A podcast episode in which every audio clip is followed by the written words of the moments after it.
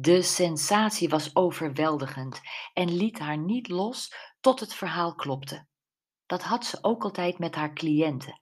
Die vertelde haar iets, Brenda observeerde hen en zette vervolgens haar zesde zintuig aan. Feilloos legde ze daarna haar vinger op de zere plek en kwam ze tenslotte tot een oplossing waarmee haar cliënt 10 kilo lichter, empowered en vol moed naar huis ging. Andy, Brenda keek naar de man van haar beste vriendin die naar het keukenblok was gelopen en een afwasstijltje liet vollopen. Jules bofte maar met zo'n fijne huisman. Robert was ook altijd zo zorgzaam geweest. Met een afwerende beweging van haar hand verjoeg ze de herinnering en concentreerde ze zich op wat ze Andy wilde vragen. Andy, waren Davids ouders gisteren bij de kinderdisco? Jazeker. Denk je dat zij de opmerking van Betty over de gelijkenis van de twee jongetjes hebben gehoord? Oeh. Andy kneep zijn ogen dicht alsof hij heel diep nadacht. Ik denk het wel.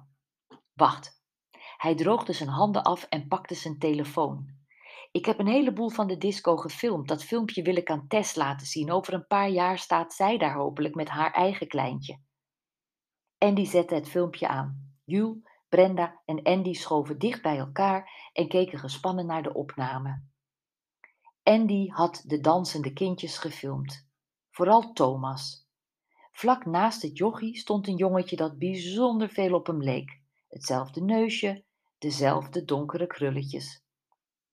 De opmerking van Betty was duidelijk te horen. Hé, hey, David, heb jij er twee? Wat lijken die twee op elkaar? Davids reactie was ook duidelijk hoorbaar. Je weet best dat ik maar één kind heb. Ik wel, in elk geval. Het was duidelijk dat Andy vanaf de zijlijn filmde. De dansende kinderen waren te zien, maar de pratende volwassenen waren alleen te horen. Ineens hoorde Jules, Brenda en Andy een mannenstem. Verrek, het is één gezicht. Hoewel Andy de woorden niet goed verstond, wist hij wel van wie de stem was. Dat was Davids vader, riep hij uit.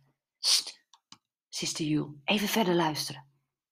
Op Andy's filmpje was te zien dat het dansje was afgelopen. Kinderen renden naar hun ouders en opa's en oma's. Andy zoomde in op David en zijn zoon. Brenda zag de blik in Davids ogen grimmig en zijn huid was bleek. Nou, zoals jij is er maar één, hè, Tom junior, ze hoorden een geaffecteerde vrouwenstem. Dat moet de vrouw van Tom zijn, fluisterde Brenda.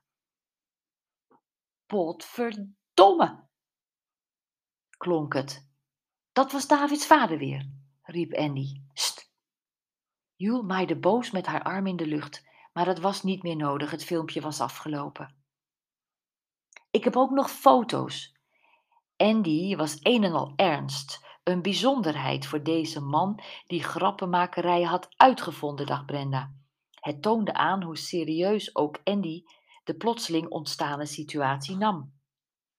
Jules en Brenda bekeken aandachtig de foto's. Ze bevestigden hun vermoedens. David stond er bleek en verbeten op, Thomas en Tom junior vrolijk en als twee druppels water, en Davids vader met een ronduit woedend gezicht. Het gekke is dat ik die twee jongetjes allebei ook op David vind lijken. Jules trok de foto's in close-up. En ook wel op Davids vader. Jeetje joh, ik draai helemaal door. Ze keek opzij naar Brenda. Wat gaan we doen? FBI-detective McCready. Je weet mijn naam nog. Brenda sprong overeind en trok haar vriendin omhoog. Wat we gaan doen? We gaan naar de bar. Ik hoop dat Stanley daar weer is. Ik wil weten wat hij precies gezien heeft. We gaan. Jules schopte haar slippers uit en haalde uit een kast een paar sandaaltjes. Ho, ho, ho, ho, waar ga jij naartoe? vroeg Andy met de theedoek in zijn hand. Je weet nooit wie je tegenkomt, plaagde Jules en ging op haar tenen staan om Andy een kus te geven.